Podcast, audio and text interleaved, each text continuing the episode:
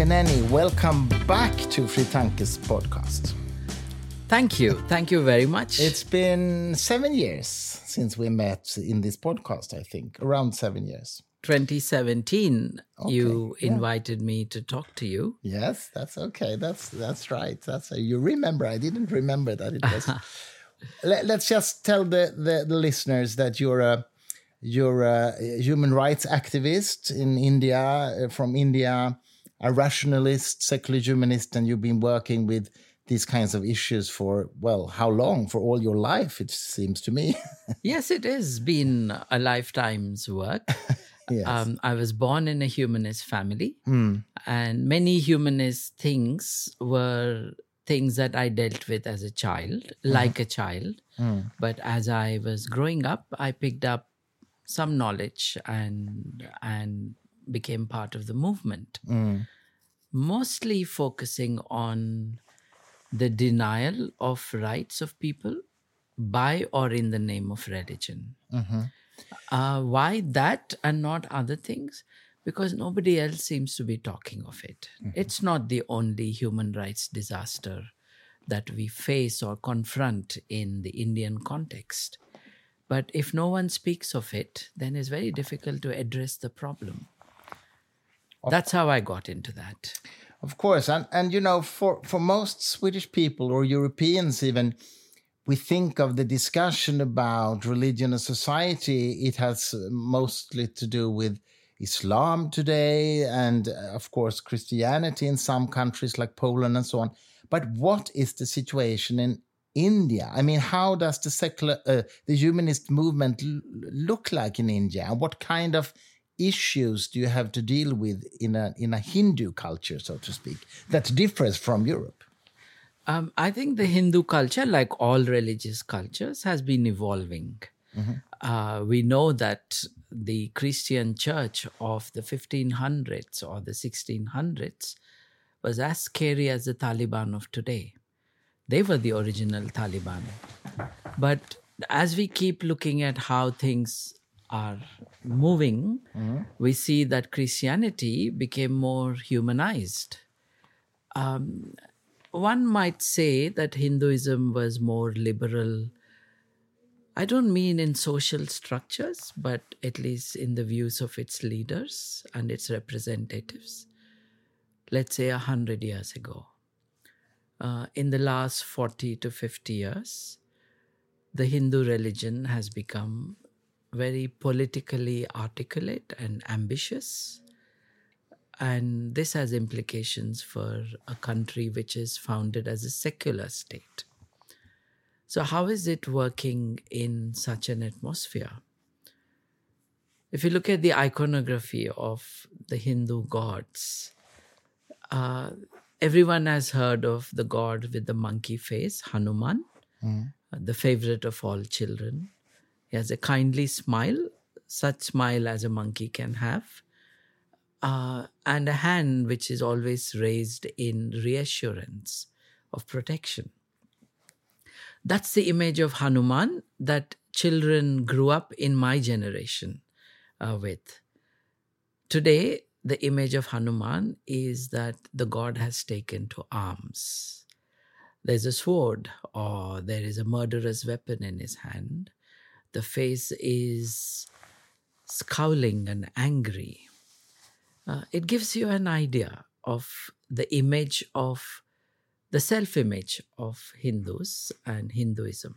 So you mean when you when you visualize this god today, they do it that way with an arm, right. with a weapon. That's right. Oh, that's so, interesting. Uh, I think we need to get hints and clues about how society is evolving from the language of people, from their art, from their behavior, their celebration of their events and festivals.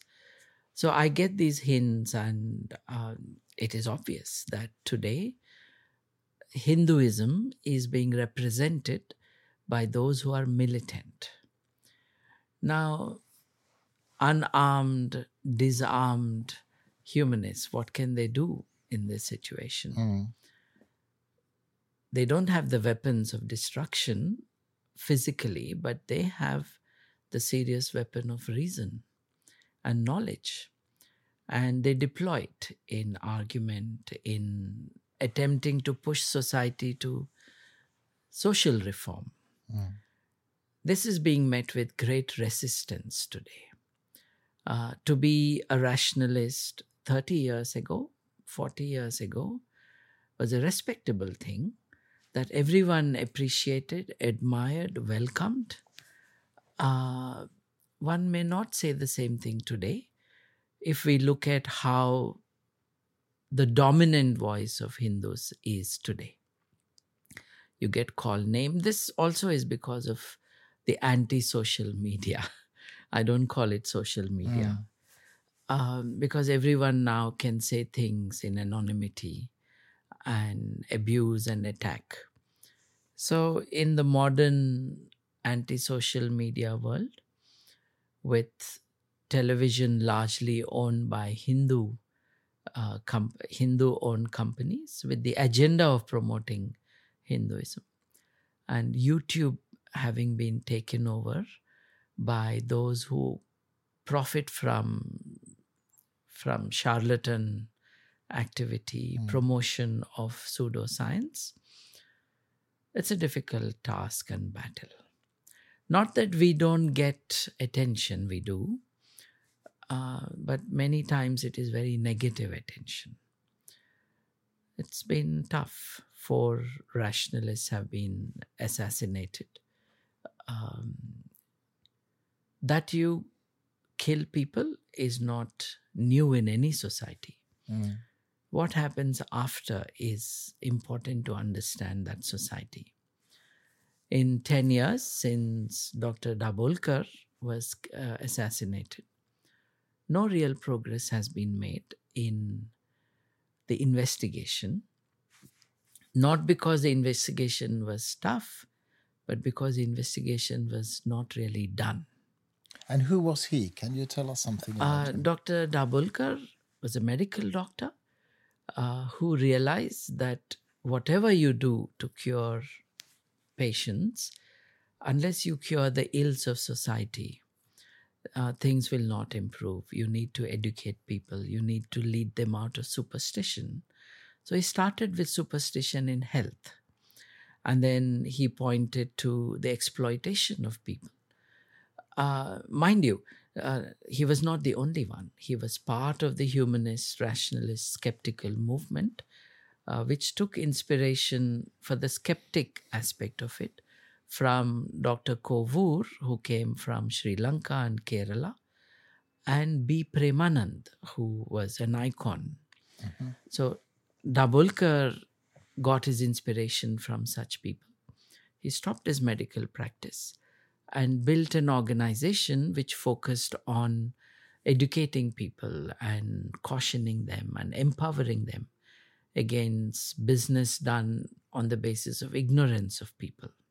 Like alternative medicine and for example of, but yeah. also the so-called god men god women the miracle mongering uh, which is always associated with a business practice. Mm-hmm it's not simply belief it's also business in, in india in mean. india yeah. but also outside yeah. which evangelical miracle monger will yeah. do it without a business that's true but uh, is there a special tradition in india of miracle men and women yes uh, and they are interestingly called god men and god women mm-hmm. uh, so dr Dabholkar was in the state of maharashtra india has 29 states he was fighting the superstitions of that area.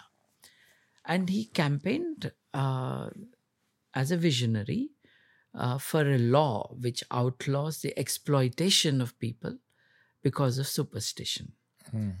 Uh, and he was assassinated. Yeah, because that was a threat to the business, of course. It was a threat to the whole ecosystem that he was combating. Yeah and and when he was actually uh, eliminated is when the state assembly which means the parliament of the state passed that law which it kept pending for over 15 years and what law did they pass a law to outlaw the exploitation of people for their superstitions. Okay, so, So- he succeeded in that sense. Well, it needed human sacrifice. Yeah, of course. Yeah. um, what happened was that it was portrayed as an attack on the beliefs of people, whereas it was on the exploitation of people based on their belief. And it was not even the regular superstitions of people that he was talking of. He was talking of human sacrifice and black magic uh, and torture of people because they're suspected being witches or practicing sorcery. So it was the most dangerous forms of superstition that he wanted to address. Mm. But politicized religion in India portrayed it as an attack on the religion itself. Uh, and you normalize um, violence against people by first talking about it. Uh, and that happened too. So for many years, they talked of attacking him. And when was he killed? Nearly 10 years ago. But you still say that the state uh, uh, um, uh, made it illegal to exploit people uh, of superstition. I- Has any other states followed that example? Uh, there have been attempts and initiatives. Uh, so, Dr. Dabholkar is the state of Maharashtra, uh, of which Mumbai is the capital. Uh, and then there is Bangalore, uh, which is the capital of Karnataka state. So, Karnataka state also uh, attempted to do something. Uh, but how can you simply by bringing a law change things, especially where lawlessness is really the norm? Uh, if you don't educate the police, you don't educate the state machinery, and you don't educate the people, uh, you can make no headway. But it would be a tool for those like us who want to work to fight superstition, promote science. The Indian Constitution exhorts the Indian citizen as a fundamental duty to promote the scientific temper, to promote social reform, and humanism without a capital H. Really? So, when citizens are doing what the Constitution is asking them to do, it would be nice to have the protection of the state and the tools that would help you to bring to account those who are doing wrong things. So, people have been attacked and killed. Uh, if the count of those who are dead is four, the ones who have been attacked is in the dozens. So many rationalists rightly think that it's not worth their life, that they should educate people who then attack them. Uh, so some rationalists have said that this is not the right time. Uh, Dabholkar was killed even before the present regime came to power. Before Narendra Modi? The, yes, so already the it there was a build up to it.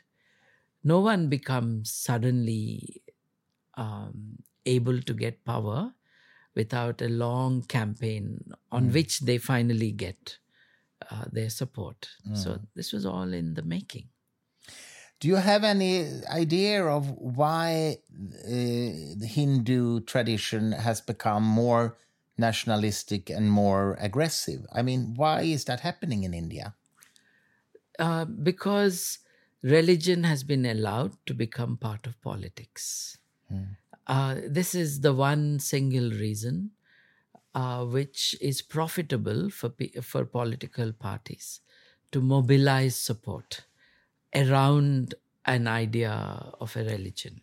Political parties have been able to rouse the passions of people by reminding them of what happened just 75 years ago with the partition, or what happened 500 years ago with when some of the Muslim rulers destroyed the Hindu places of worship. But they did not go deep into history to talk of what the Hindus did to the Buddhist um, places of prayer because these politicians had a Hindu agenda. But everyone who is not in favor of militant Hindutva, Hindutva is a political Hinduism of today. If you're not agreeing with Hindutva, you're considered an enemy of Hinduism, which are not the same. Uh, and this has taken over. There is a similarity with uh, Islam because there's a lot of Muslims who are not Islamists. That's right. But the Islamists or Salafists might think that if you don't agree to their political view, then you're not a true Muslim. So that's a parallel. Absolutely. Or you're an enemy of Islam, so to speak. and they operate on the same principles with the same techniques and tactics. Uh, they will attack you, they will deploy their army uh, of cyber trolls and those who can attack physically as well. Um, so there's a intimidation that is going on. Uh, so this has been a long answer to your question. Yeah, but it's very interesting. And and what you said, this doctor was killed, and even other humanists and rationalists have been killed during the last ten years, as I understand it. Yes. So so so people who are committed to this movement have to leave India.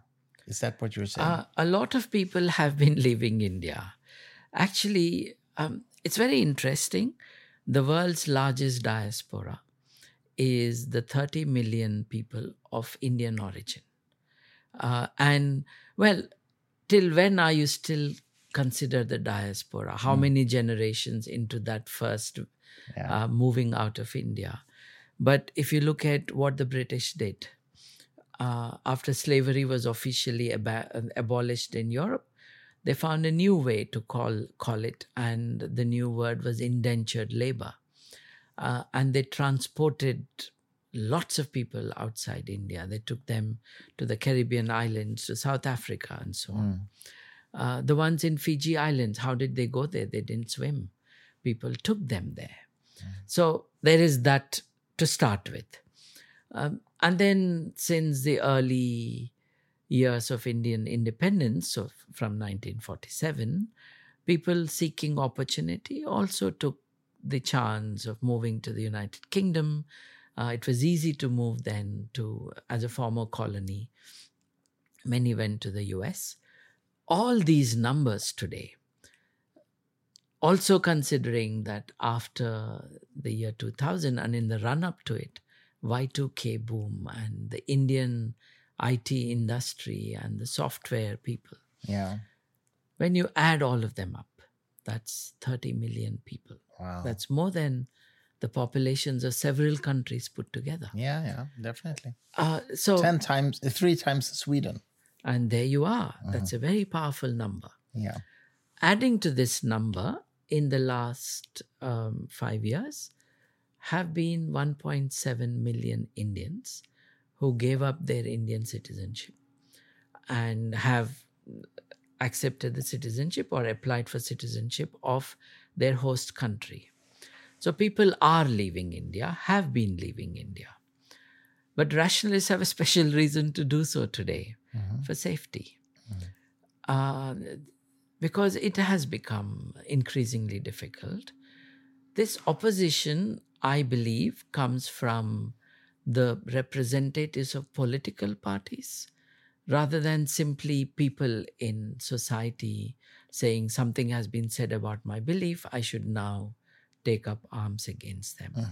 But over 10, 15, 20 years, it is possible to um, almost militarize such people. Uh, already from the 1980s, you had news reports of little children, six years old, seven years old, marching with Hindu symbols in their hand and weapons in their hand. Something you saw in the Middle East of how children were getting, uh, and in the Sri Lankan war of the Tamils against uh, the Buddhists. Yeah. Little children being given arms or toys, but mostly real arms, and teaching them how to use them. Now, if they were doing it in the 1980s, they are grown up by now. Yeah. And hundreds of thousands of children uh, of that time exposed to this militaristic campaign for their religion can't be harmless today. So it's a complex situation. Very much. Made worse because the law enforcement and the judiciary seem to be rather inclined to support such things. If not the militarization, at least the beliefs around it. Uh, so suddenly you have judges of high courts. High courts are the top courts of each of the state uh, of India's 29 states. Mm-hmm. They are saying stupid things in their judgments, unconnected with the with the subject of their judgment. That the cows have special powers and they are divine. And incongruously, a judge said the cow is great and the cow breathes in oxygen The and cow? also and releases it too. Mm-hmm. Now, my question to the judge is what is it um, that you have to connect that to your judgment? My question to the cow is why is it that you take in the oxygen and release it? What's the point? Mm-hmm. Um, And this is because the cow is a holy animal. Yes, and you can't accept that the cow releases methane and is part of the livestock of the world causing global warming. Mm. Uh, you have to say, and look at the stupidity of the belief that uh, an animal will breathe in oxygen and release oxygen. Um, but a whole mythology, uh, an ecosystem of belief is built around this. But what has the cows to do with the with the courts? That's the question to the judges. Why have you become so indoctrinated in the Hindu belief system that you are now swearing at times by the Bhagavad Gita, the holy book of the Hindus? Bhagavad Gita, yeah.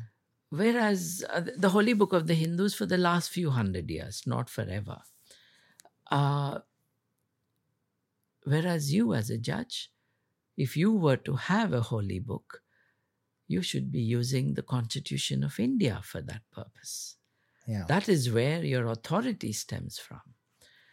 Uh, So when you abandon your duty uh, and you are no longer connected with the nobility of your profession and you bring in your religious beliefs, there's a judge of the Supreme Court who retired recently who said Indian jurisprudence foundation is in the Indian holy books.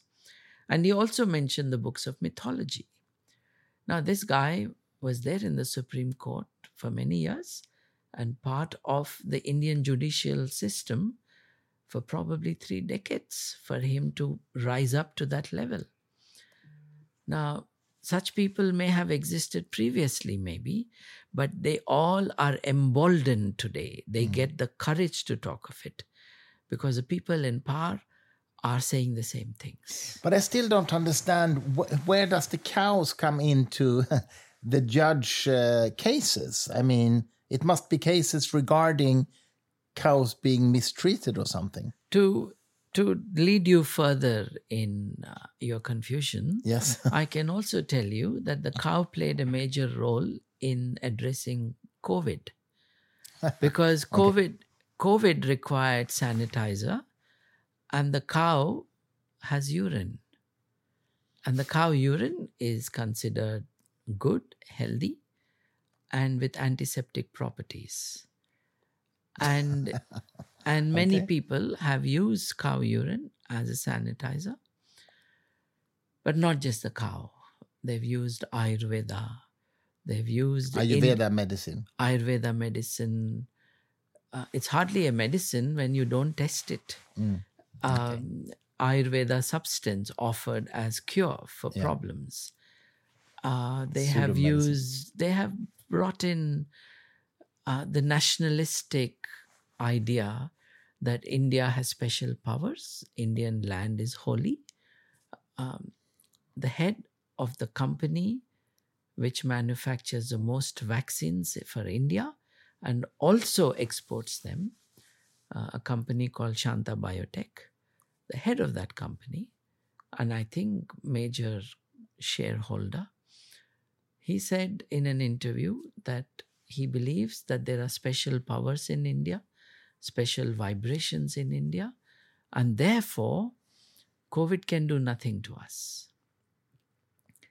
Uh, and of course, because India has special powers, and this is all communist China's doing, uh, COVID will do nothing to us. But obviously, it did a lot of killing. Killings. Sadly, uh, we don't know the numbers for China, uh, and we will never know. Um, in India, the official figures are 500,000, uh, but a UN led WHO study uh, with independent inputs puts the figure at 5 million, Christer. Mm, Can you believe it? 5 million. mm, incredible. Um, and Christer, this 5 million, many of them would have been avoidable deaths because people were not given the right education. That many would die was inevitable. Mm. The medical system was not adequately equipped, even for normal times, to deal with health uh, issues. This was a challenge Mm.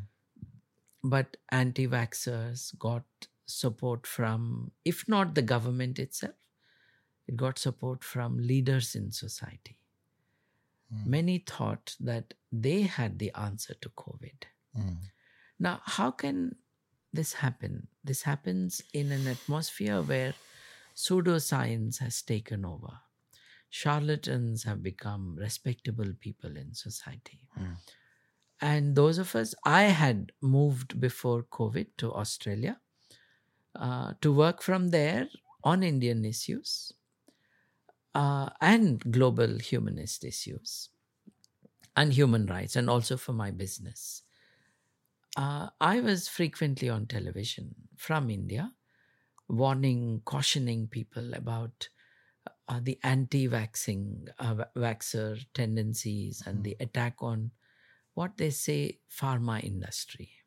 So you were interviewed on Indian television, Oh yes, fr- but you were in Australia. Australia. that's right. Yeah, I, And I understand. very regularly. I was, I had a presence uh, which was almost continuous in one channel or the other. It's part of our duty. And by the way, my f- initial training at university is as a microbiologist. Uh-huh. So I had also knowledge of. Yeah. Uh, uh, I had university level training, therefore I could speak about it. So when we were addressing the pseudoscience that was being spread, the attack on me and others like me uh, was that we were funded by the pharma industry. Yeah, yeah. Typical for Uh, the anti-vaxxers. Absolutely. I mean, these demented, insane people have in their account many of these deaths. Uh, Five million people didn't die just because of the virus, they died. Their deaths can be traced to the misinformation, the lies, the prejudice that was promoted by these people. Camus, Albert Camus, Mm. wrote about the pestilence. Yeah, yeah.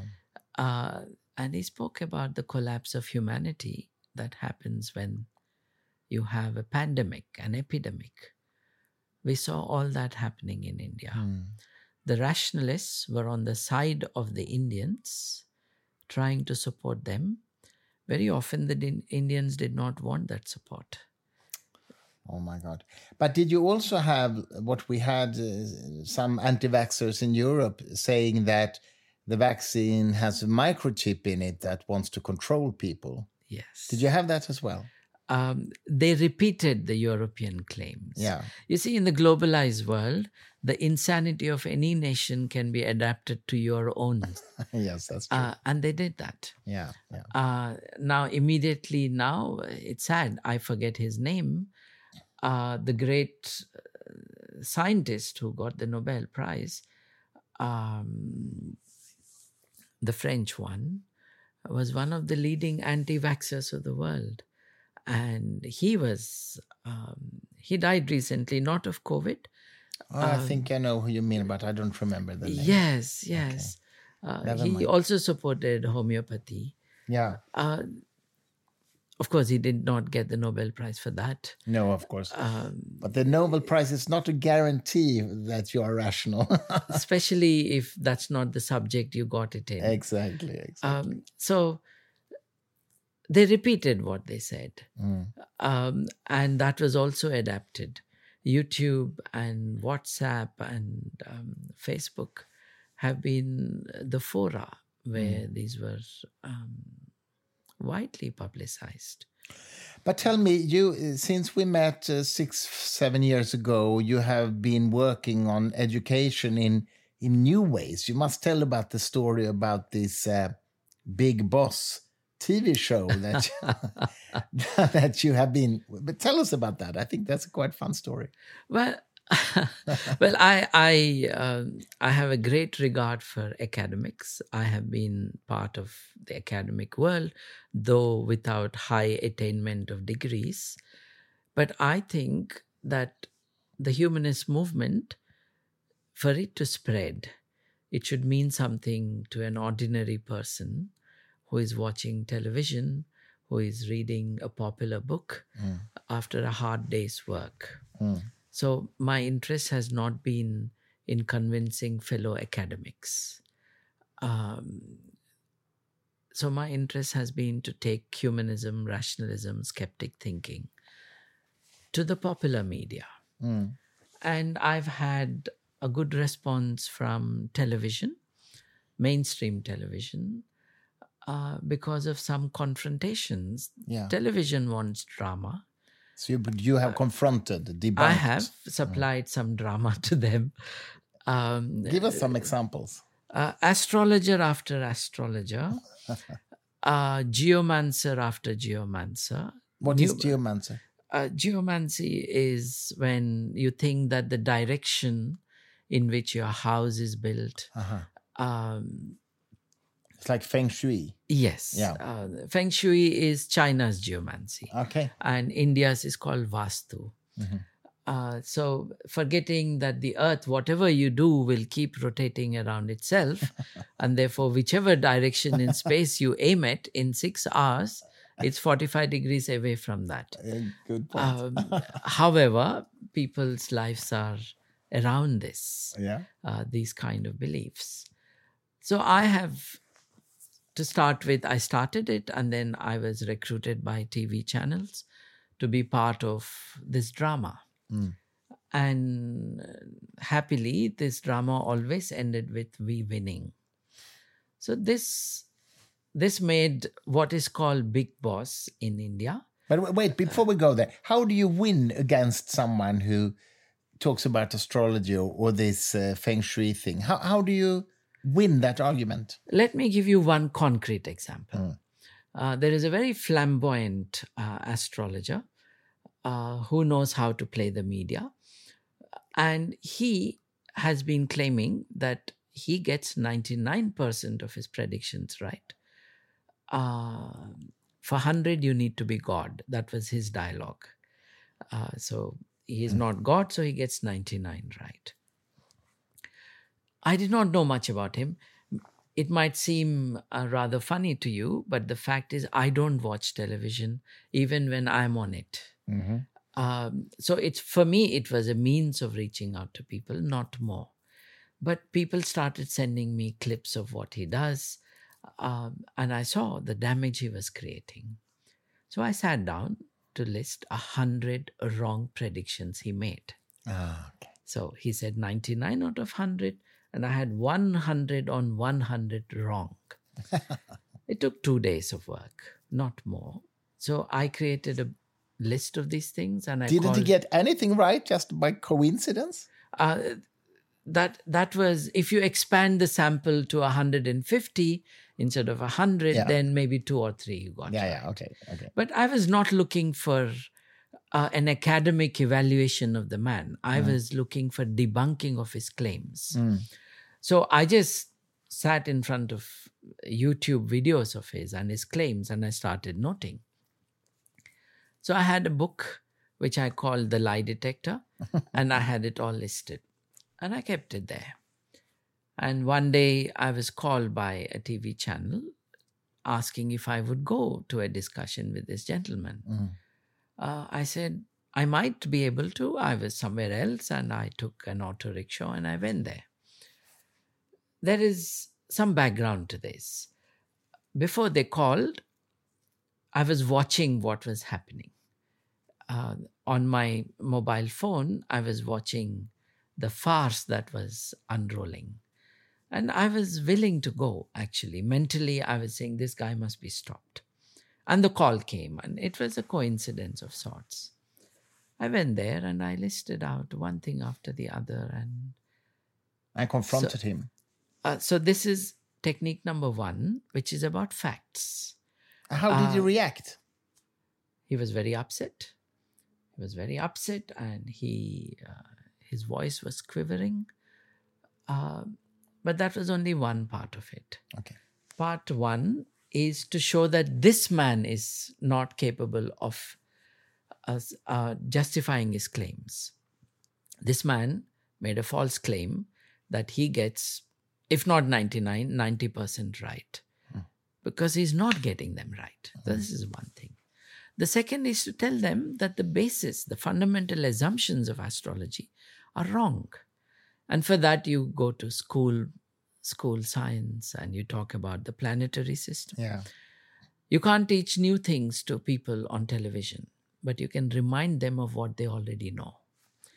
So, in my pedagogy, I'm not there teaching new things. I am just saying, remember, you learned this. Now apply that knowledge to the understanding of this subject. We did that as well. But something else extraordinary. And it came because someone sent it to me. You see, out there in public, there are a number of people who are outraged by the false claims and the lies and the deceptions of people. They may not want to come out publicly themselves, but they may wish to share that knowledge with those who are kind of doing that. So I got information about this astrologer morphing a picture of him along with the Prime Minister of India.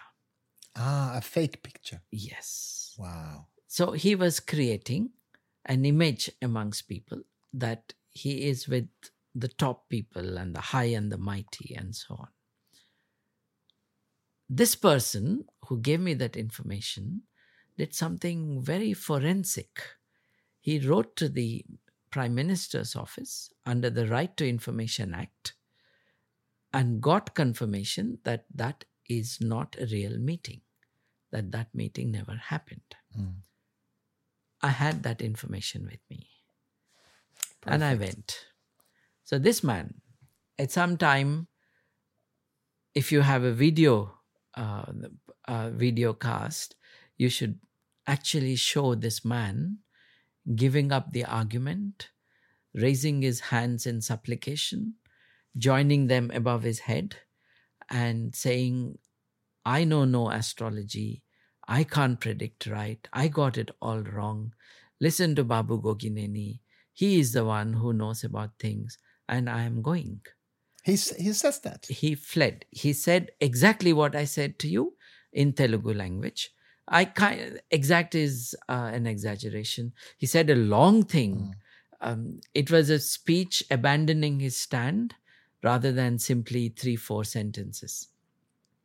And then he said he's attacking Hinduism and things like that About you. about me, and and then he fled. Uh, and Is then it on YouTube? it is on YouTube. It then had, I think, 4 million views in a few days. Um, and then bits and pieces of it were removed because it's the astrologer's business, and they issued some uh, legal um, uh, notices to the channel. But it's all back again. It's all back again with now probably 2 million or 3 million views. You have to give me the links. So I can- will. I will. so this is one thing. Yeah. Uh, there are people who will talk of Madame Blavatsky and aura and pranic healing, uh, and then promise to you that even long distance, they can, because of the power of their uh, healing uh, exercises, they can cure the aura around you and therefore make you healthy. The fact is, Kirlian photography Mm. uh, which they use as justification for their claims, actually works when you supply high voltage energy to organic material. So I offered that we should bring high voltage uh, and supply it to this charlatan couple so that we can capture the aura. Of course, it was not a threat, it was more to show that it's not possible. Uh, and I asked them, you see, South Asians of a certain age, especially if you are in your 40s or 50s, are very likely to have diabetes, are very likely to have high blood pressure, and a paunch. These go together, and that's because of the genes of the South Asian population. And very often, South Asians are more prone to cardiac diseases than the others. When the channel called me, just on my way to the channel, I just picked up the blood pressure machine uh, of my late father. Mm. I put it in my bag and I went. So during the course of discussion, after explaining Kirlian photography and uh, how it is possible to show that aura only when we electrify these people, which is really electrocuting them. Mm. Uh, and therefore, his patients don't have that aura because they haven't been electrocuted. Mm, mm. After saying all these things to show the ridiculousness of what uh, they were claiming, I looked at this man who had a paunch, who is in his 50s, and he had a bloated face. These are all indications of something not all right uh, in the South Asian population. So I said, Do you know to cure yourself? He said, Yeah. Uh, I said, Do you have blood pressure? Can we check your blood pressure? Uh, the, the apparatus I took with me is one made for home use. So yeah. we are all permitted to use it. You don't have to be a doctor to do no, it. No, exactly. Uh, so I said, let's test your blood pressure. Uh, it was high. It could also be the pressure of uh, the TV channel uh, studio setting. Mm. And I said, let's check your blood pressure. And it was high. I said, it's high. Uh, but the whole point is now you have to cure yourself. Ask your uh, colleague to do it. There were two of them there. Mm. Or you do it for yourself. Uh, you just have to bring it down. Uh, so he did it. Uh, he did what? The trial. He experimented with it. And then we checked the blood pressure it was at a level where he needed a hospital immediately. I said, That's what your healing powers have done to you. uh, was he angry? He was desperate to leave the studio. Yeah. Uh, they lost face, they lost a lot of business, um, and it was a defeat for their claims. So these are two of many many examples of things. And you've done this. Done. You've done this a lot on television in India. Yes, um, we counted recently. My son and I. Uh, there are some 75 million views on YouTube. We don't know how many watch television. Uh, for such things. Yeah. Dusty, I believe, is a very popular podcaster in the US. Mm-hmm. So he picked up these things and he um, uh, did shows on these, saying there's this Indian fellow, and he got my name right. Uh, okay. uh, and he spoke about it. There's been a lot of publicity for this. Obviously, the publicity should be not for me, but for the debunking that mm. I hmm. did. But um, yeah, I'm happy about what we did. And this led up to this Big Boss program. Yes. Tell us so, about that.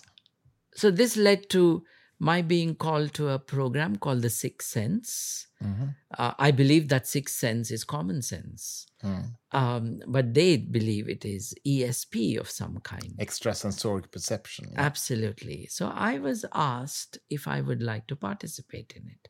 I said yes, but you know that I'm against your idea of the show.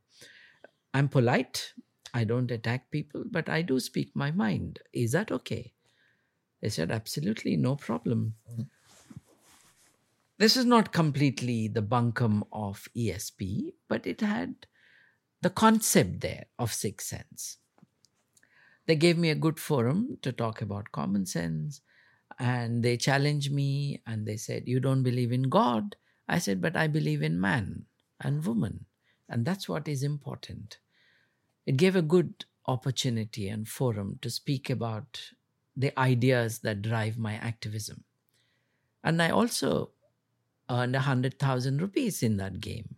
Wow. Um, How? you you had to use your different senses of sight, of hearing, uh, of touch to guess some things. Uh, and each time you get something right, so there's some money that is added to your achievements. Mhm. You see, I'm I'm quite a sad guy for the entertainment industry. I don't watch television. I don't know film songs. India runs on film songs. One of the things was a song is played in the ears of a Polish lady. This Polish lady, who doesn't understand the language, would then hum the tune of the song. So it's played in the headphones. And when the humming is happening, the contestants have to now guess which song it is. Okay, I understand. So I said, I'm giving up. I, I have no knowledge of these things. Uh, but my wife was in the audience. Uh, I said, Look, that lady there might know, but not I. And from there, she guessed correctly some of these things. But could she guess for you? She was made part of the game. Uh-huh. How was I invited? So was she at my invitation. Okay. I. Uh, I said, This is an unequal game because you know that I don't watch television. It's public knowledge. I have said it. Uh, and I don't. I used to be a film reviewer for the uh, Indian Express Mhm. and a member of the film club and so on. But at some point, I left whole activity of watching films mainly because there's just too much Indian cinema that I don't like. I said, it's an honest admission. And I'm happy to sit in the audience and continue watching the game. But they let Sahana, my wife, join us. Uh, so the film thing we cracked because of Sahana. Sahana was a DJ or uh, an RJ, I don't know what it's called. She was a television host for a songs a program. Uh-huh. So she was able to guess, even though she did that 20 years prior to this. So we got the 100,000 rupees for the skeptical view of the Sixth Sense program. Fantastic. And then one day I thought they were coming to give me the check uh, for the money that I had earned. And uh, they were, instead of the one person I knew, three people came to meet me. Uh, and we were having a fun chat and uh, things like that. One of them asked me, "Do you know about Big Boss?" Uh, Big Boss.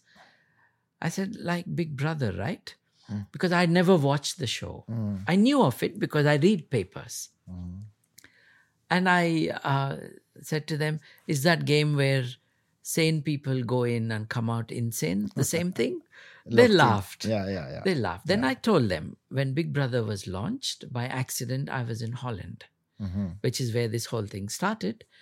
And I have sympathy for a game, which is a behavior lab like this, because there's so many insights you can get into it. Mm.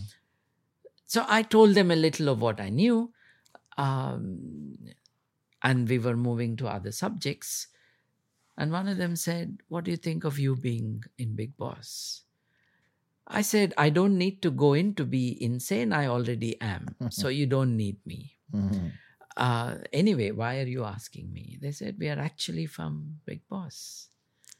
Would you like to come?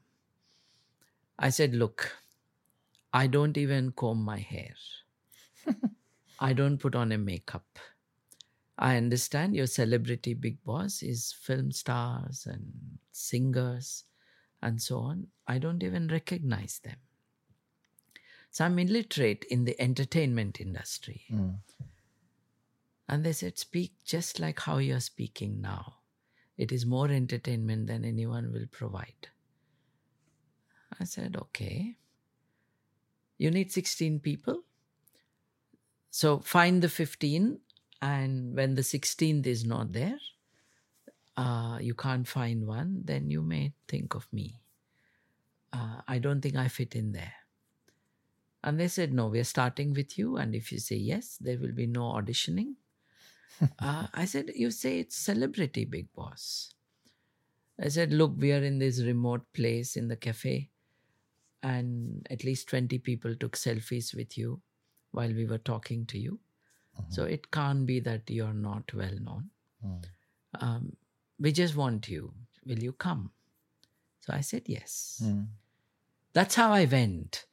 And this is a Um, big program in India. Oh, it's Huge. crazy. It's Mm. crazy. I asked them, should I watch any past programs? They said, you can if you want, but if you are looking for the adventure, then you don't need to watch. So I did not watch anything. But I took permission from them to have a t shirt on which is written Bigger Boss, which will be my costume. uh, and I said, in the show, I will explain why it's Bigger Boss.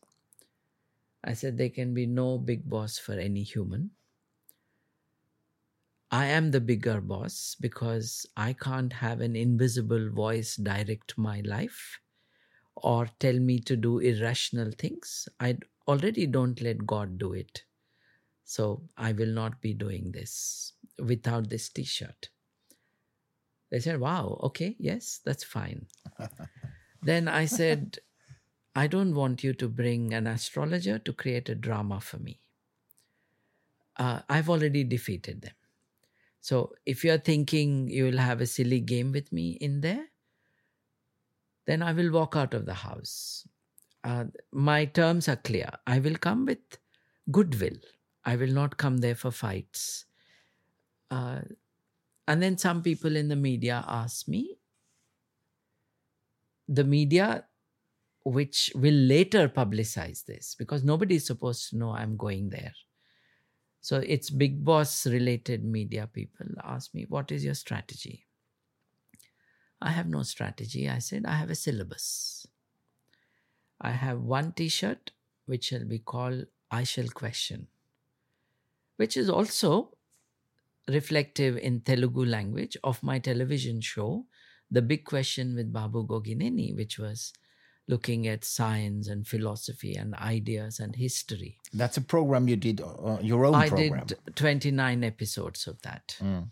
Uh, with a wider remit than what many other uh, science popularizers, from the greatest of the ones till people like me. I believe I had a wider canvas than they let f- be possible for themselves. I said, that t shirt reflects me. I shall question. Another t shirt was the great Carl Sagan's Stardust. Yeah. I did astronomy lessons in there. I created a sundial so that even in Big Boss house, where you can't guess what the time is, just by tracking the light, um, not the sun, but the light, you can still tell the time. Mm. I had another t shirt, uh, which was a special one that I kept to be revealed on a particular day, which would be a final day for me. Uh, I shall tell you about that. Mm. Uh, so I had humanistic and humanist slogans. I had one for the French National Day. Um, I was joining in June, and I said to them, about two months is the time, if I'm allowed to be in, uh, two months is the time I shall be there if I'm not voted out. Mm. So from mid June till mid August, Which year? uh, this was 2018. Mm. Uh, I shall have different landmark dates and have a t shirt for each of them. So I had these t shirts of science and so on. And I went in. The first thing that happened was a crazy development. It's Celebrity Big Boss, right? I did not recognize any one of them, but they all knew who I was. Okay. So they're all interested in the subjects we are dealing with. This was a great encouragement for me. and you all sit down in the big boss house and big boss speaks to you and the big boss said uh, there is a prison in big boss house Mhm. and as punishment you can send one person or two people but there's only one bed um, and you may send a man and a woman in there uh, this is family version of big brother so Mhm. there's no nudity there's Mm. nothing uh, hinting at sexual activity so to make it difficult for people they may send two people to prison Mhm. so the first task of Big Boss to the 16 of us assembled in the house was send two people to prison. For I what? s- Exactly. As a humanist, you asked that question, so did I. Mm. But the rest of the 15 in the house were preparing to name someone. So I said, I shall not allow this to happen. I will not be part of this exercise. To send somebody to prison, you need to define the crime and you need to say whether that crime requires prison. And what did anyone do here except for breathe in this house? Because it's just the first minutes of the show that anyone should be sent there. Apparently, outside the people who were watching it, Babu Gogineni starts revolution in Big Boss House. he is questioning. There's another which said, uh, it's an exaggeration, of course, but I feel good. They said I was the intellectual hot boy of the house. I said, I speak for justice. I do exactly what I do outside. Mm. I shall not accept irrationality, but I will be full participant of the games. Uh, where it is below the dignity of someone, I shall oppose that. Many of these big boss games are that. The tasks assigned to you are designed to create friction and trouble Mhm. Uh, and conflict. Mm. So I said, I shall not be part of those. I shall not be part of any directed conflict by an invisible a person with a strange voice. Uh, so I did something, uh, Christer, that I was very happy about. Big Boss gave us a task. This task was where, you know, in India, how you eh, you have these kiosks where they extract sugarcane juice. Okay. Uh, so you run the sugarcane through a mill, and the juice comes out, and you collect the juice. The sugarcane is dispensed from a chute, from where you have to collect it by force. So you have to fight with each other to get hold of the sugarcane. Mm. Then you have to bottle that juice in bottles, which you should label after your group's name. The house is divided into two groups. So you have to collect as much juice as you can, and whoever gets that will be the winner. In the process, you can steal other people's bottles. You can bribe the person who is conducting the game. Mind you, this is the rules of the game. So they created a moral universe which is not ours, Mm. right? Mm. Now they want us to act in a particular way. I found it a great challenge uh, and a very interesting experiment for psychologists to have designed it. Hmm. I said, okay, so bribery is allowed in this house. Fighting with each other, snatching other people's things is allowed. So cheating should also be allowed. So I took the bottles in a clever way, I shall say, because there are 90 cameras watching and none of them caught it. I smuggled the bottles to the bathroom and I filled them with water, diluting it. So our team had more water than um, sugar cane, but it all looked like sugar cane. Yeah. So we won. And I said, in your moral universe, if that is wrong and this is right, then I have an opportunity to contribute to that concept of morality. there were games where women were supposed to be demeaned. I stopped that from happening. Everything I did, I intended for it to be a representation of the humanist viewpoint, the human rights viewpoint. Mm. But we also must recognize, I think, Bigg Boss House, Big Brother House is a psychological pressure cooker. Mm. You're cut off from things. Somebody else is directing. I might resist a few things, but there are things that I agree to accept and follow. And that puts pressure on people. Mm. It makes you lose your memory to an extent. Um, it's a it's a very interesting thing that happens there. And conflict is generated through the various kinds of assignments the groups are given. I can't opt out of every single assignment. Uh, No. And some of them are not uh, eligible for opting out. They are good, fun things or interesting things. Mm. It came to a point by end of two months, I had enough of it. Uh, but even before that, Bigg Boss can punish you for not following rules. So I did an astronomy lesson for all of them. I taught them about humanism, about M.N. Roy, about the theories and ideas of revolution. A lot of it was shown in Bigg Boss 24 Hours and in the main one and a half hours, two hours show every day, they retained a lot of it. So I did a class on astronomy. And Bigg Boss punished the group for not doing or performing an activity that Bigg Boss had assigned. And that instead of that, they sat in my class. Mhm. And my class said, We had our stomachs full of science. We don't need your food because the punishment was, You shall starve this night because you didn't follow the thing. That showed the support in the group. A group which votes to vote you out. Yeah. The mechanism of Bigg Boss is fascinating. People who are watching it are voting to keep you in. People who are in the house are voting to vote you out, to send you out. Okay. Despite that, I had that support in the group.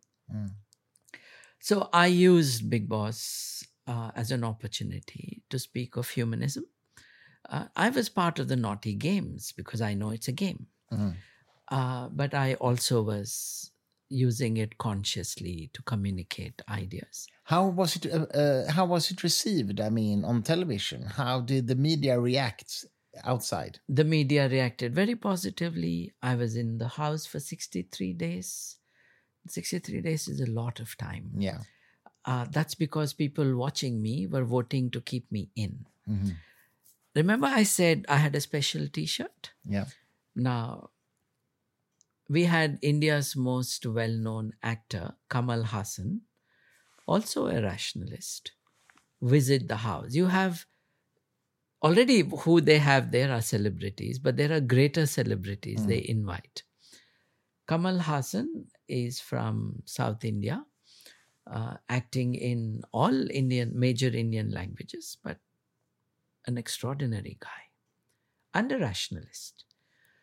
They invited him to Bigg Boss House. You know how personality cult is in India. I had only watched one or two of Kamal Haasan's films in my entire life.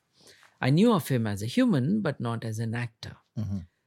But my fellow housemates, some of them prostrated at his feet and uh, they went in supplication to his fame. And Kamal Haasan said, Where is Babu Gogineni? Mm. Everyone was shocked. I was too. Uh, India's most famous actor, whose films I hardly watched. So I don't expect that he has watched any of what I did on television ever. Mm. He was looking for me. Mm. And uh, Kamal Haasan came. This was an extraordinary moment. Uh, not just for me, but for television viewers. Uh, Mm. and then Kamal Haasan came with also a commercial motive.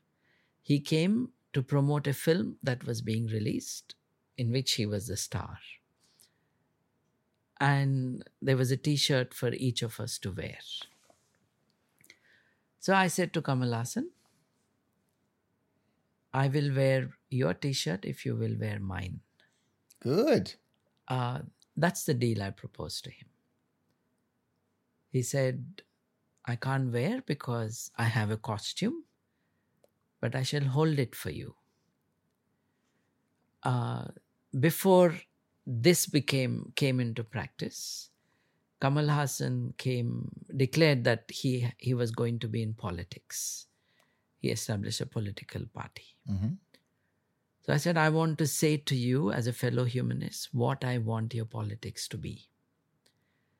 I spoke about a politics of freedom, a politics of equality, of opportunity and status for all, and a secular approach to political and social reconstruction of India. He said, absolutely right. And he bowed his head after I spoke. This too was an extraordinary moment, definitely for the humanists, but also for the rest watching. Hmm. And then I revealed my t shirt, which said, in a creative fashion, reason, not religion, the words flowing into each other. Hmm. And Kamal Haasan said, I shall cherish this t shirt. And he kept it to the camera and showed it. now, why am I, after five, six years, still happy about it? Because when I'm walking in the streets in Australia or here in Europe, Indians, not necessarily of my language, but the Telugu language is spoken by about 100 million people. Uh, even those who do not have it as their mother tongue, they recognize me and they remember these incidents. Uh, you see, when I had the debates with the astrologers, I was on the news channels. You, news channels get about 8% of the television viewership. Mm. By changing channels to the entertainment channel, I got a 10, 10 million viewership every day for 63 days, Mm. of which half the days I did not have a minor role in what was shown. I wasn't the star every day, but I had enough airtime Mm. with 80 90% of those watching it favoring me there. Mm. I was voted in. Shouldn't you write a book for Indian audience now? Um, it's an idea. It's an idea. Uh, writing books is a good thing. Mm. But you see, I chose television as my means of. Mm. Uh, I will never get. It'll be serious, but I will never get more than a thousand people reading it. Mhm. Uh, but television reaches me Reach more people, of course. Yes. Um, Bigg Boss that I was in had problems. I declared in the house that I will leave the house, that I would leave it. And the reason was this. You see, when they were negotiating with me about going to the house, I said to them, I have a humanist meeting in New Zealand and a lecture tour of Australia. And if I were to be for two months in this house, then that clashes with those dates. They said, Sir, you know, we can create an accident in the house. And then you will disappear from the house. And you finish your tour, you come back, and we'll bring you back into the house. Mhm. They were keen on having me. But I said, that's again the spirit of the game. Because if I leave the house, I know what the outsiders were thinking, the spectators, the viewers Mm. were thinking of my behavior in the house. And therefore, now I can tailor it or I can campaign for myself from being outside. And I also know what's happening inside the house. That defeats the whole game of Big Brother, Bigg Boss. Mm. I said, I will opt out of my tour in favor of this because I know there is a benefit to this. Uh, and I, it was a matter of principle for me. They told us, don't tell anyone that you are going in. Because if you tell a thousand of your friends, then you can create an army of voters to keep you in. Nobody knew it except the ones who definitely needed to know my wife, my child. Mm. So when I told my wife, she said, You know, in Bigg Boss, which she watched uh, other episodes of, she said, They'll make you sing. And when you sing, all the housemates shall run away. So you will remain in the house. and she said, if not then, when you snore, which I do, uh, including Bigg Boss, everyone will vacate the house. My son said, Do you really think you can do this? You want to do this? I said, If there is a question of whether I can do it, it's a challenge for me. And they're paying me for it. Um, but even if I weren't paid, this is a once in a lifetime opportunity for a humanist to enter the house as a humanist. And on my terms, I told them who I don't want in the house. And they agreed to it Mm. because I didn't want it to be a farce.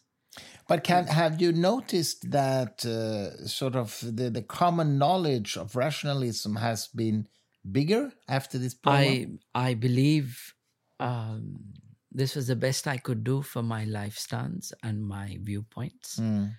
because practically I could demonstrate it. Uh, the people in the street who were stopping me were stopping me for what I said in the house. Uh, yes, I was being falsely humble when I said to them that I'm not a celebrity.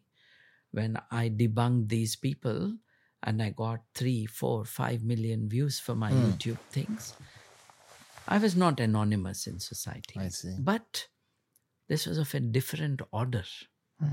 Uh, when you have a thousand autographs to give in one day, in one evening, it tells you something. Mm. And they were all children, young people. And I was very moved by a lot of people who said, We stopped watching after you left the house. But So that- I, the reason I told you uh, the spirit of the game was important for me was two housemates who were eliminated in their in the language of Bigg Boss, which means housemates voted for them to leave and viewers voted for them to leave. Mm. Two of them were brought back to the house. Uh, I said, This is against the spirit. So I said, Once the spirit is broken, I have no interest in staying here. And I waited two weeks for it to be recognized so that then they say, oh, he's not going to stay, he doesn't like it, and so on. Because the contract says that if you ask to leave and there's no justification for it, then you are obliged to pay them an X amount of money, huge amount of money. Uh, so it had to be engineered that way. Mm.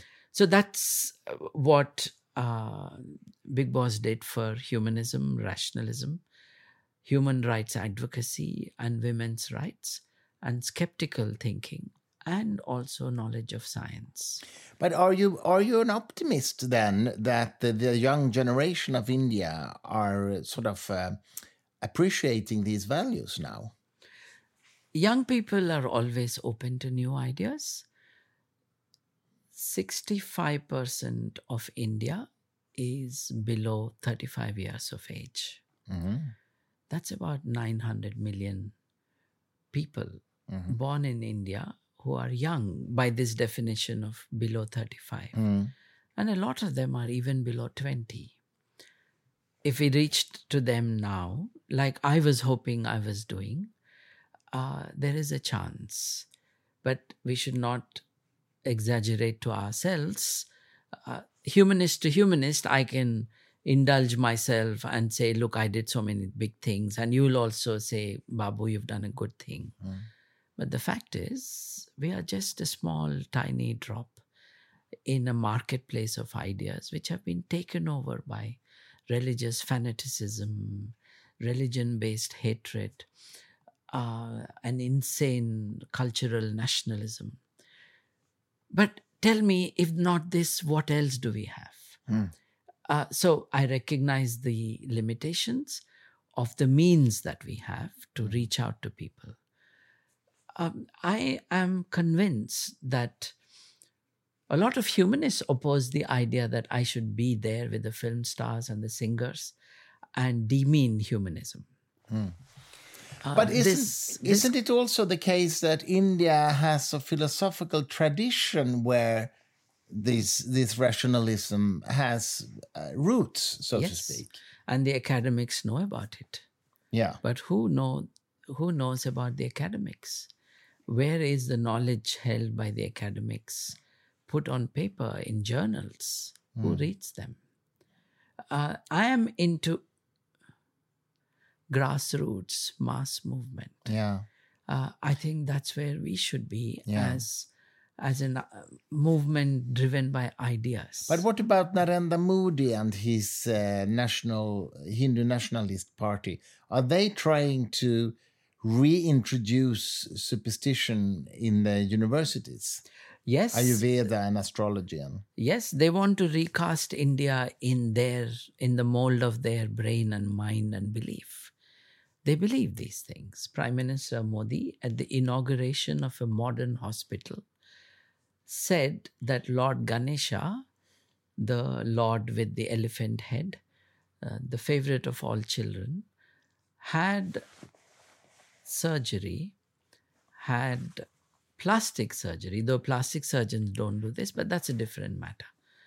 Um, had plastic surgery that proves that in ancient India there was plastic surgery. From but there, isn't he joking when he says that? no, the joke is that they believe this to be the truth. Mhm. Uh, and he's just one amongst tens of millions who believe in this. Einstein is Einstein is supposed to be great because he read the Bhagavad Gita in Sanskrit Mhm. and that he was reciting it every day and that he had 18 copies of the Bhagavad Gita. My first question, obviously, is that how do you know he even spoke Sanskrit? Because he did not. Second, are you aware that Einstein was actually a member of the Rationalist Press Association Mm. and its honorary associate? That he was a member of the New York humanist groups? Yes, I know. The, the first humanist society or something Yes, like that. Yeah. yes. In the 20s, 1920s. Absolutely. Mm. So I was asking, or probably a bit later than the 20s, Ah, okay. but but surely he was a member Yeah, of know, the yeah. humanist groups. He was a humanist himself Yes. who called religion and its beliefs uh, like the uh, infantile measles of mankind. Mm. So, And still a lot of people try to claim that he was religious. exactly. Mm. Question one is what if he was religious? That's another religious person. Mm. But the point is, you are lying about it. Mm. So I want to address the lie, not the authority of Einstein. That Yeah. I'm not going to invoke. Of course, of course. Uh, Mm. So there was this other question. But my question to So Einstein. he didn't read the Bhagavad Gita. That was just fake news, I guess. he, if he read it, was he reciting it as a religious book? Yeah, yeah, That's of the question. Yeah, yeah, I mean, he was not drunk on religion. He was fascinated by Spinoza. Mm. Uh, he engaged in the highest quality debates of religion, of God, Mm. from the knowledge and perspective and insight he gave to the world of the universe. Hundred years after he said it, we know about the gravitational waves. Mm. Now, that's the kind of mind we are talking about. Mm. Yeah. Now, these rascals recruiting him for their propaganda through lies is what I was addressing. And my question to Einstein would be look, if you really like the Bhagavad Gita, did you need to have 18 copies of it? exactly. So- I know that Einstein was a friend of Tagore, your Yes, uh, literature Nobel Prize. yes. Laureate, yeah. But but one thing that I, I find fascinating. Uh, Shall I just add Huh? one Sure. thing? Einstein was a close colleague of M.N. Roy, the humanist. mhm, With Tagore, he was in touch. It's not the same. mhm. uh, Tagore was finally a mystic uh, with with a large humanist heart. Mm. uh, with a modern mind, but not modern enough, but a modern mind. Einstein led the group which campaigned for the release of M.N. Roy from British colonial prison, addressing the British as uh, that Roy was a colleague and a friend. Uh, the friends of Einstein have been clear rationalists. So while Einstein made it possible for the artist, for the musician, for the fine arts to have a role in the human spirit, so to say, to use a word um, that's alien to humanist vocabulary, spirit and soul. He wanted all this to be developed within the human personality. Mm. So we should all resist the recruiting of Einstein uh, on false grounds Mm. by those infatuated with religion. Mm. But they're promoting this falsehood about Einstein. They are saying now about Oppenheimer film, Yeah, I know. uh, the recitation of now I am death or I become death. I am the destroyer of worlds. yeah. Bhagavad Gita. Now, is that a good thing to say? Now, my my question is fundamentally something else. It's not about whether he really recited it when he saw this big mass, massive ball of destruction, or whether he, when he was having sex with the woman, Mm. as is shown in. yeah, yeah, in the film. My thing is, if you believed in God, shouldn't you be saying, "Oh my God, what have I done?" Mm. why have you thought of it is i read stuff by oppenheimer and i'm convinced that he did say it and i'm convinced that in the film uh, it was rather silly that they then put it in the moment Yeah. of intimate scene with a woman uh, but every attempt is being made uh, to show any development in science and link it to ancient India's heritage. You said um, ancient India's heritage, and you sp- spoke about the rationalist heritage and a scientific heritage, Mm. um, glorious for its time and for its limitations of that time. But no, that's not what they want. They say not the Wright brothers, but say, sage Agastya is the one who created the first powered flight in the world. Uh, so you ask them, you challenge them, which I did on television, to show me a prototype of that.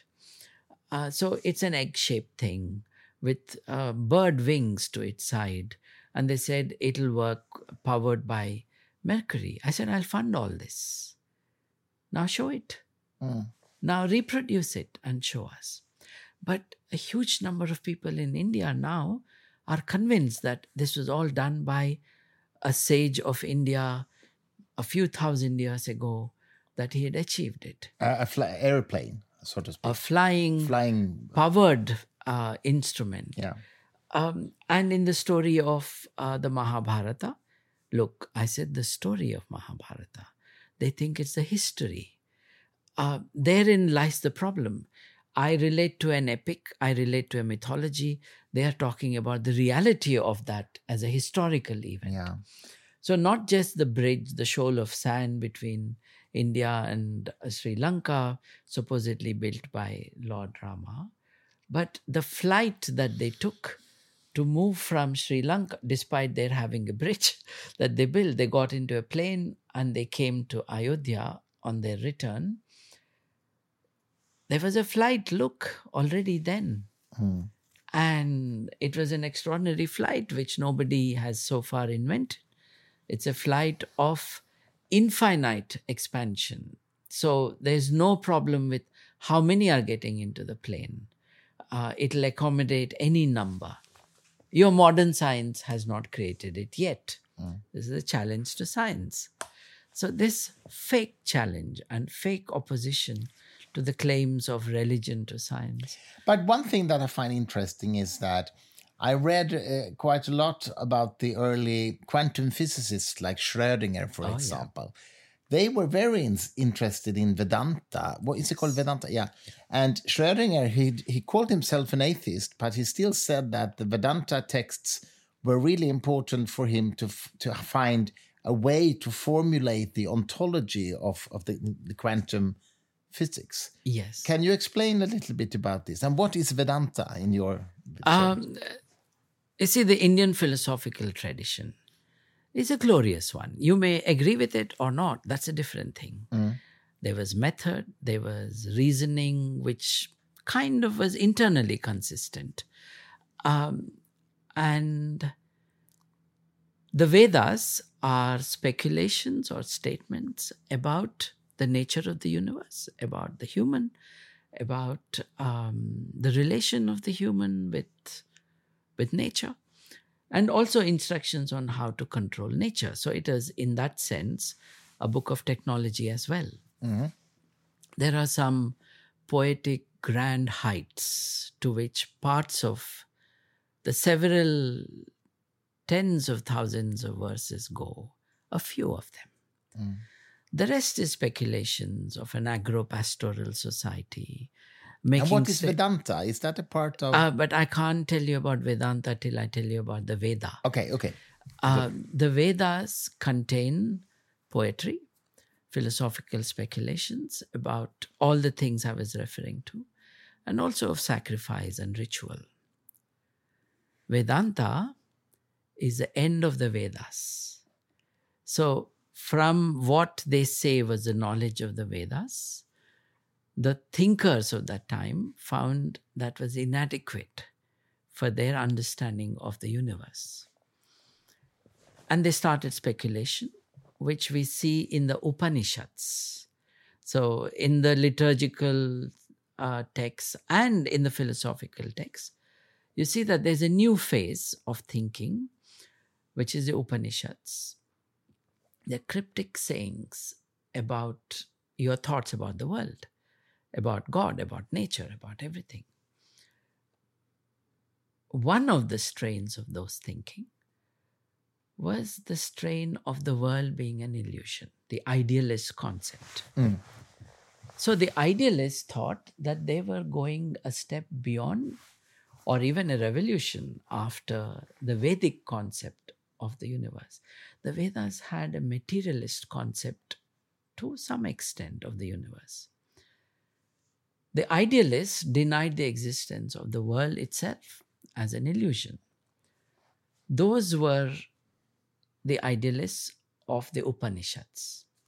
And their philosophy of Maya, of illusion, of denying the universe or of real life, which is a monism of a kind, Yes. because they are saying there's nothing called a soul and something else. Everything is the same, everything is one, The one, yeah. and that one doesn't exist, not as a physical material thing. Mm. So, the philosophers who spoke about that were talking Vedanta, Okay. uh, what does Vedanta mean? the end of the Vedas. Uh-huh. The not as in the finishing of the Vedas, but the Vedas. It's over. This is the new phase. This is the new thinking. This is a new way of understanding the world, and they were philosophical texts. Uh, Not religious. very few of them are. Mm. And even if they use religion, it was in the service of philosophy. Mm. Um, it's a very interesting phase. Now, how many Upanishads are there and how many of them are philosophical, really? That's a matter of debate because hmm. are they 108 or 1008 is a matter of interpretation, accepting. But it is a fact that the time when these were being talked of, there was philosophical attempt. Yeah, I see. So when you deny the reality of the universe, it is easy to propose all that falls within the area of quantum thinking, let's say. Mm. Uh, it's good vocabulary. And it wasn't just Schrödinger. This was a lot of people, scientists of the time. Yeah, I know. Yeah. But we know that a materialist like Einstein never fell for it. Mm.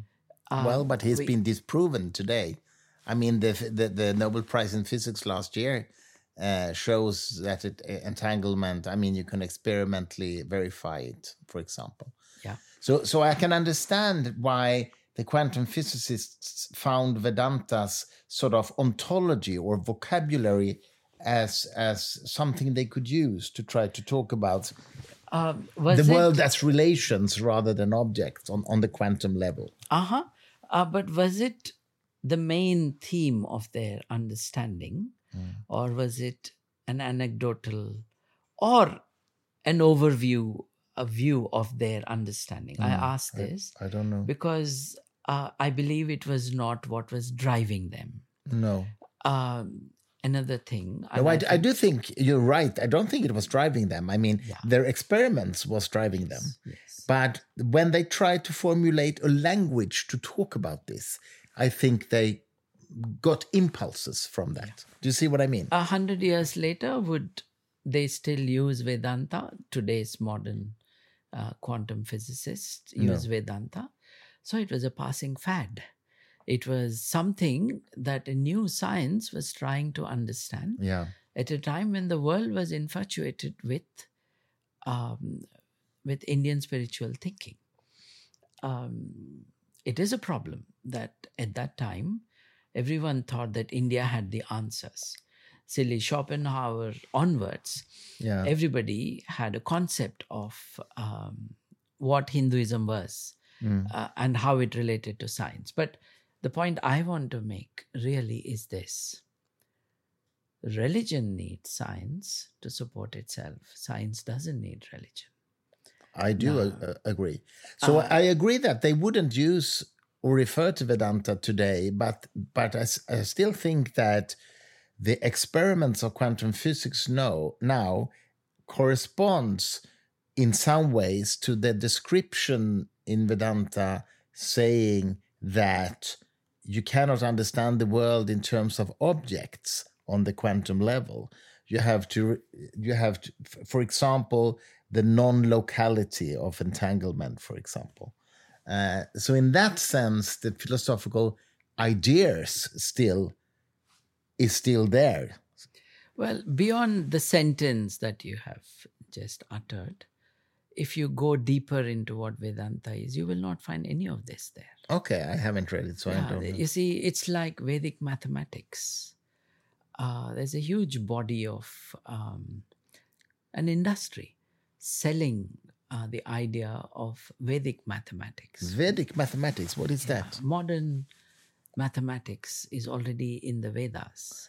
Aha, okay. Uh, and then when I you see. get down to see what this is, this is not modern mathemat- mathematics, modern, modern. It's a lot of arithmetic. Um, but that's okay, that's one thing. That's to know what it is. And then research reveals that it's only in the last part of the 1800s that a religious leader, preacher, created it. It wasn't in the original text. Mhm.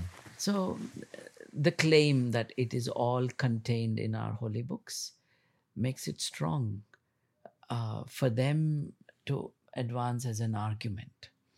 So, there's a lot of this self seeking thing. And like there are so many claims made about the Quran. Uh, every religion begins to make a claim that what it advances or advocates is already uh, confirmed by modern science because their books are scientific texts. The moment you say that, uh, the moment you go beyond that one single sentence, then they all fail. Yeah. Uh, No, but I I would in no way think that those scriptures sort of knew what quantum physicists will find. What what I'm saying is I I think that the the science could use some some of the language models to talk about reality. They they, they could sort of Yeah. yeah, yeah that's what and, I mean. and also the concepts. yeah, the Uh, concepts. the- That's, the- that's more better. than the language, the concepts. yeah, the concepts. See, I, I mean, look at this uh, the time of Democritus, uh, the time of the Charvakas, the time of the Kanadas in, in India. Uh, they were talking of the atom. yeah. But atomism is not the same as atomic theory. Of course. Uh, no, it was a speculation, philosophical Absolutely. speculation. Yeah, yeah. what is fascinating, and that applies to Vedanta too, what is fascinating is that in that time, with their limitations of knowledge, they still were able to have these speculations. Mm. To think that people who had no clue about anything had to do with ontology, Mm. um, anything to do with an understanding of nature could say, we don't really understand nature, but it's all physical. To be able to say that. Mhm. Now, it is physically real. You can bring in quantum into it, you can bring quantum theory into it. It can't cease to be real Yeah. right? So, the physically real concept of the universe that our ancestors, ancient ancestors, were able to speculate on with no knowledge of it Mhm. is fascinating. Yeah, it's very fascinating. To, to read deeper significance into it and therefore justify why am I resisting what is so obvious when you say what you said? I'm resisting it because this approach has been misused. Mm, I I know that. It's yes. been misused with the Quran, it's been misused with the Indian um, Yeah. scriptures. Yeah, I'm, I'm very aware. And, and how? Osama bin Laden was Mm. a Maurice Bucaillist. Maurice Bucaille was a member of the French Academy and he was on the payroll of the Saudi government and he wrote books about how the Quran is a scientific document. Mhm. Wow. In the It- French Academy. Yeah. When when was this? Um, I can send you the details, Mm, mm, uh, but this already started by the 70s. mm. That intellectuals, um, it's not yet published, but I have written about this. Okay. Interesting. Um, Maurice Bucay, on the payroll of those who wanted him to do propaganda, was only one of many. And these people have diverted the attention of young Muslim boys and girls to the idea that all modern knowledge is already contained in the book. And therefore, a study of the book is as rewarding as a study of the universe. Yeah. This is the exact same thing that is happening with the claims of knowledge in the Hindu scriptures. yes, I do realize that. Yeah. Tens of thousands of people are now studying, young people are now studying the holy scriptures, holy for them, uh, of the universe. The book you should read is a book of the universe, but they forgot that. Uh, which is why I'm resisting Mm. uh, the attribution of some respectability or credibility Mm. To a en passant claim. Mm. Um, it's important because people are being uh, driven towards this. Mm. See what we mean. need is a culture of science. Mm. But they have set up a battle between culture and science. And for them, culture is religion, it's tradition, uh, it's hand me down, tattered books uh, in dead languages, which they want us now to study to discover modern truths. Mm. It's a dangerous thing. Mm. And we see that danger unfolding in India. Uh, a vice chancellor of a university, a modern university, I'm not talking of a theological college, has said uh, what many idiots are saying in India uh, about all of modern knowledge, including embryology, uh, being already contained not even in the Vedas. They are talking about in the mythologies, in the epics. Mm. So they are one step lower than them. Mm. Um, so in the story of the Mahabharata, look, this is what is said.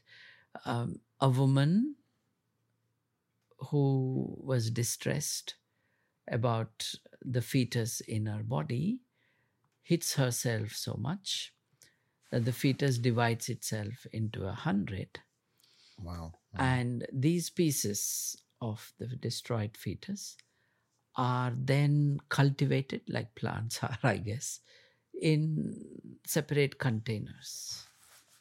And you, Westerners, think that you have test tube babies from the 80s. And you don't acknowledge that we had this already several thousands of years ago.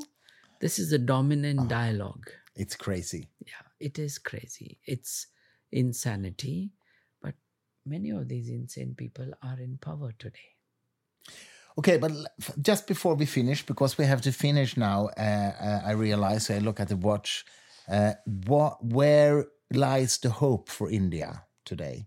Do you see? Are there any politicians coming up that are rationalists, or uh, do you see any positive change? No, I don't, unfortunately. Okay. It's good for humanists to be hopeful uh, and to be optimistic. And all knowledge of human history shows that progress is possible, has been possible. Hmm. But also, we must be, we must have the sobering effect of knowing how things are in Iran after so many years. Hmm. Um I feel a bit defeated by the instruments of the state, which could make things different. Now, if the power, the finance, and the vision of the Indian constitution and a state imagined by the Indian constitution were to be deployed for the um, improvement of Indian society, it is possible. But I don't see that happening. I'll tell you why. It's not just the BJP which came to power, which is saying these things that I find extraordinary. The opposition party also is fighting for that same constituency, and therefore, this is Hindutva light Mhm. uh, for many of the opposition parties. Many of the communist parties have adopted religious symbolism. Really? Uh, Mm, because that works for them. Yeah. Yes. So there's a dilution of the commitment to create a modern society Mm. in this process. Uh, I told you about the number of people leaving India. Um, these people who could make a big difference, the best of India's brains, are outside the country. Mm. Mm. And the psychological need to recreate a mythical past of the nation you abandoned, of the motherland you left alone, is that you start imagining a glorious past and fund that vision as propaganda. Mm. That has also been happening. So, very rich, very educated, knowledgeable IT professionals have been funding the revival of religious obscurantism in India. Oh, I So, see. this is the other paradox. We know that those who leave their country, it's a psychology of the immigrant, Mm. creates a false, glorified vision of what. Absolutely. Mm. But they will never go back Mm. except for the odd family visit because inside they know why they left the country. Um, so it's a challenge. The challenge needs to be met. Not every challenge, I believe, you will be able to win in a lifetime. Mm. The defeat is in not addressing the challenge. The defeat is not in not achieving the goal. These are civilizational things. We must think like the Catholic Church does. They think in terms of centuries. Now, let us think in terms of centuries.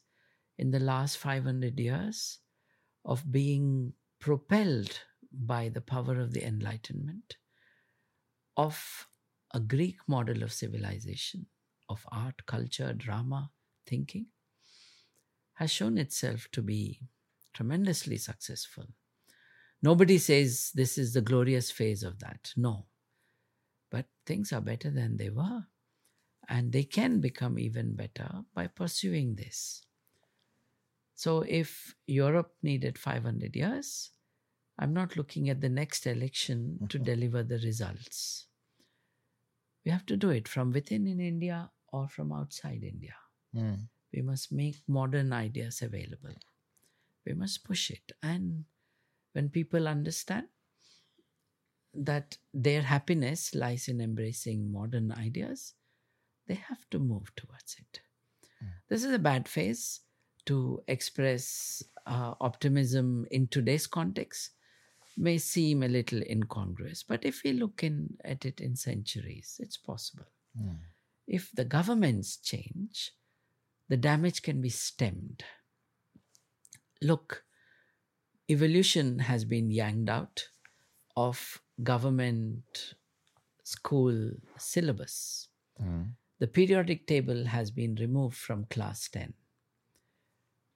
What does it mean when biological evolution is not taught in schools? Mm. What kind of people are going to become voting members of society? Mm. When the periodic table has been moved out of a particular class, and they'll put it in class 11 or 12 apparently when science is an option therefore you don't need to know these things mm.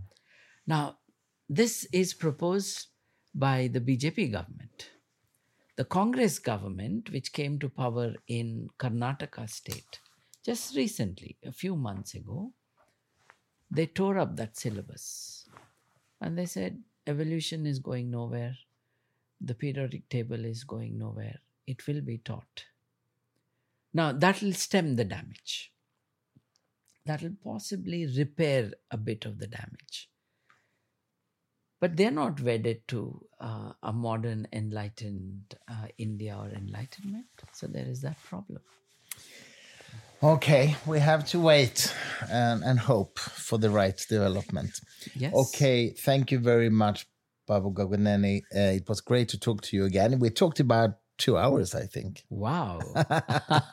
so thank you very much for coming to this podcast. Thank you for having me.